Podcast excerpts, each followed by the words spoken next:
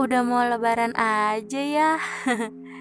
Kalian pasti setuju kalau puasa tahun ini tuh beda banget sama puasa-puasa sebelumnya. Ya iyalah. Kalian ngerasanya lebih cepet apa lebih lama? Kalau aku sih ngerasa cepet banget kayak lah kok minggu udah lebaran aja. Mungkin karena pandemi memaksakan kita harus di rumah aja jadi nggak sadar kalau bentar lagi tuh lebaran.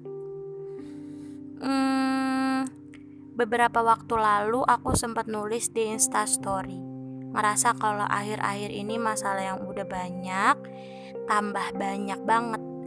Yang biasanya nggak emosi pun nyampe ikutan emosi.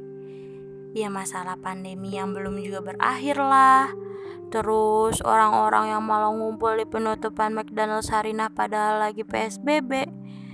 Terus mau rame banget karena mau lebaran padahal masih PSBB. Terus Indira Kalista being ignorant on internet itu loh yang youtuber. Terus konspirasi COVID-19, krisis COVID-19, krisis pangan, resesi, PHK besar-besaran, RUU Minerba 20, BPJS naik, berdamai dengan corona lah, terus hashtag Indonesia terserah, terus youtuber kampanye nikah di umur 16 tahun sampai keluh kesah pekerja yang harus WFH dan mahasiswa yang ngomel-ngomel karena kuotanya habis buat kegiatan belajar mengajar online. Nggak lupa juga kriminalitas kayak penjarahan, perampokan, pembunuhan. Yang baru tuh kemarin, pembunuhan yang pelakunya adalah juga korban dari pelecehan seksual. Ada pusing banget. Gak apa-apa ya aku nyebutin masalahnya tuh gak sesuai dengan urutan waktu soalnya kusut rame banget masalahnya hmm. mungkin karena hashtag di rumah aja kita tuh jadi lebih melek dan lebih sensitif gitu ke persoalan-persoalan yang lagi in dan berseliweran di kanal media yang biasa kita akses kayak TV, YouTube, WA group, Line Today, Instagram, apalagi Twitter. Lalu karena terus-terusan berada di titik ini, emosi tuh makin susah banget buat dikendaliin. Akhirnya nimbulin hal-hal negatif kayak marah, pusing, nangis, panik, takut, dan lain-lain. Um, tunggu tunggu, sebelum lebih lanjut, aku mau ngasih trigger warning dulu. Soalnya obrolan ini sedikit mengandung isu-isu seperti kekerasan seksual dan gangguan mental. Jadi, kalau kalian yang lagi struggle dan sedikit lebih sensitif dengan isu terkait, tolong persiapin diri dulu atau boleh banget kok stop sampai sini aja. Peluk jauh dari aku buat kalian. Semoga lekas berdamai, sembuh, dan pulih. Semoga selalu bahagia dan tolong selalu ingat kalau kalian itu nggak sendirian. Kalian itu berharga. Oke, lanjut ke obrolan. Beberapa waktu lalu banyak banget teman-teman curhat ke aku tentang masalah-masalah yang mereka alami selama pandemi. Iya dari yang bosan doang sampai ngerasa depresi dan butuh pertolongan profesional karena kegiatan self quarantine ini sangat memengaruhi kesehatan mental mereka. Ada yang sedih gaji belum turun, bosen di rumah terus, berantem sama pacarnya sampai putus, nggak nyaman serumah sama orang tua yang disfungsional. Ada yang overthinking, ada yang asam lambungnya naik gara-gara stres, ada yang panic attack, sampai ada yang depresi dan banyak lagi masalahnya. Hmm, aku ikutan sedih sekaligus pusing. Jujur, jadi tempat curhat banyak orang itu nggak semudah kedengarannya loh. Aku juga harus persiapin mental yang stabil walau cuma jadi pendengar yang baik. Apalagi kalau tiba-tiba ditembak minta dicariin solusi. Waduh. eh iya, buat kalian yang sering dijadiin tempat curhat kayak aku, kalian sangat boleh menolak kok. Kalau kalian sendiri tuh lagi ada di fase yang nggak stabil tapi pilih tutur kata yang tepat dan yang gak nyakitin ya. Hmm, dan ternyata bukan cuma teman-teman aku yang ngalamin ini. Aku termasuk. hmm, ternyata aku nggak sekuat yang aku mau. Jadi begini. Pas itu aku lagi scrolling timeline Twitter. Loncat dari satu diskusi terbuka ke diskusi lain. Eh, tiba-tiba aku nemu satu video. Satu video yang nyakitin aku banget. Isinya ada anak laki-laki yang badannya bisa dibilang gembul.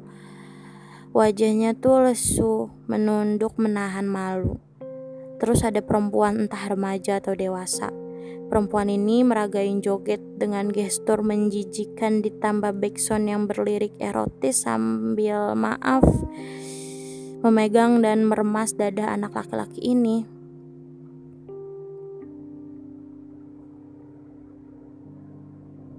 Itu pelecehan seksual. Itu pelecehan seksual. Pelecehan seksual.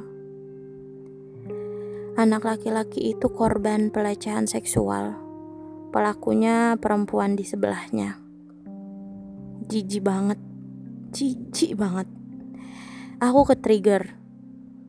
Mata aku sama pikiran aku langsung blank. Langsung beku gitu.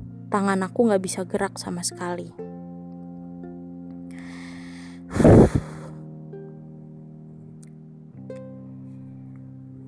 Sebagai penyintas yang masih struggle, aku sangat sensitif terhadap segala bentuk informasi atau konten yang mengandung unsur pelecehan dan kekerasan seksual.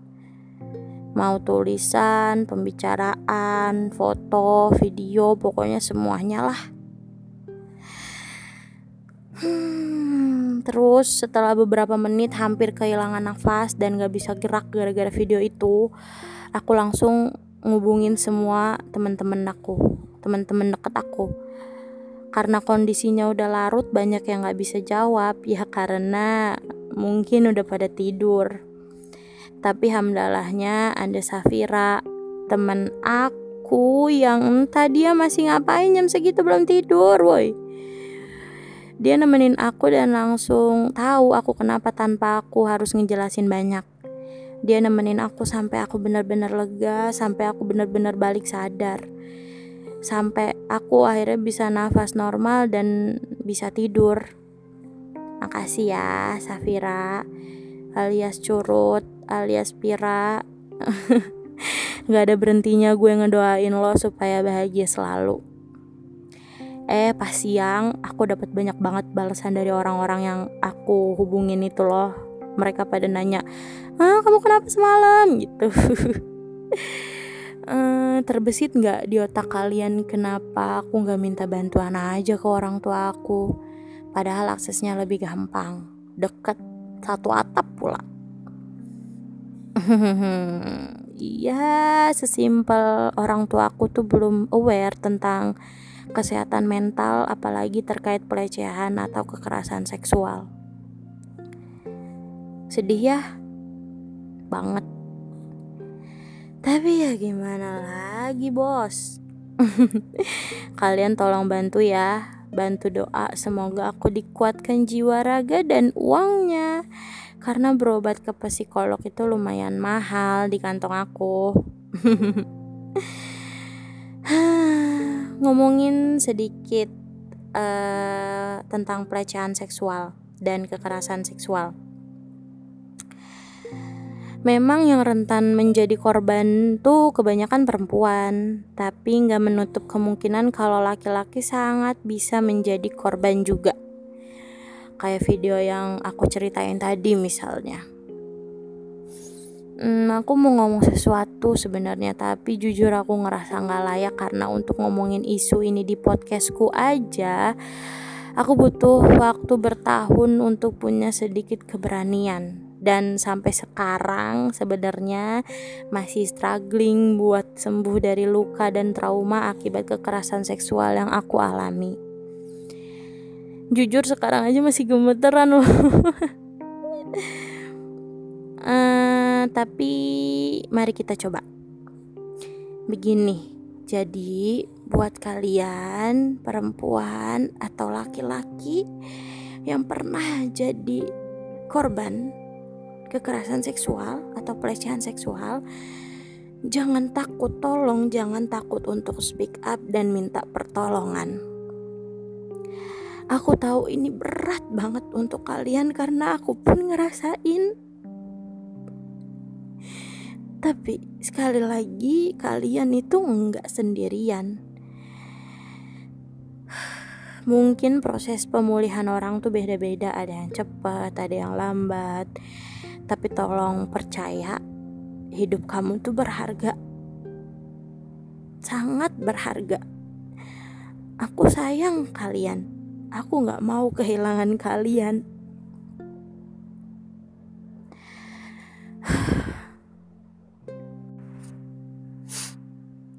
Maaf ya aku emosional.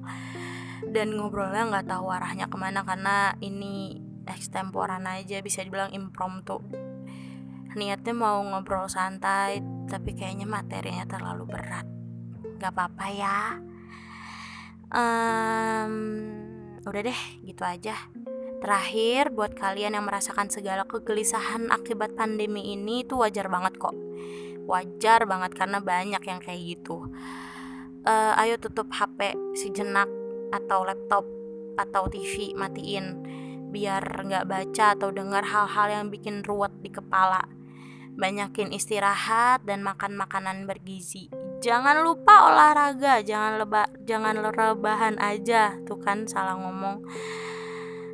Uh, semoga kita semua tetap waras dan wabah ini segera berakhir Eh, kalau COVID-19 udah hempas, kalian pada pengen ke mana? Oh iya, sampai lupa ngucapin Selamat Idul Fitri semuanya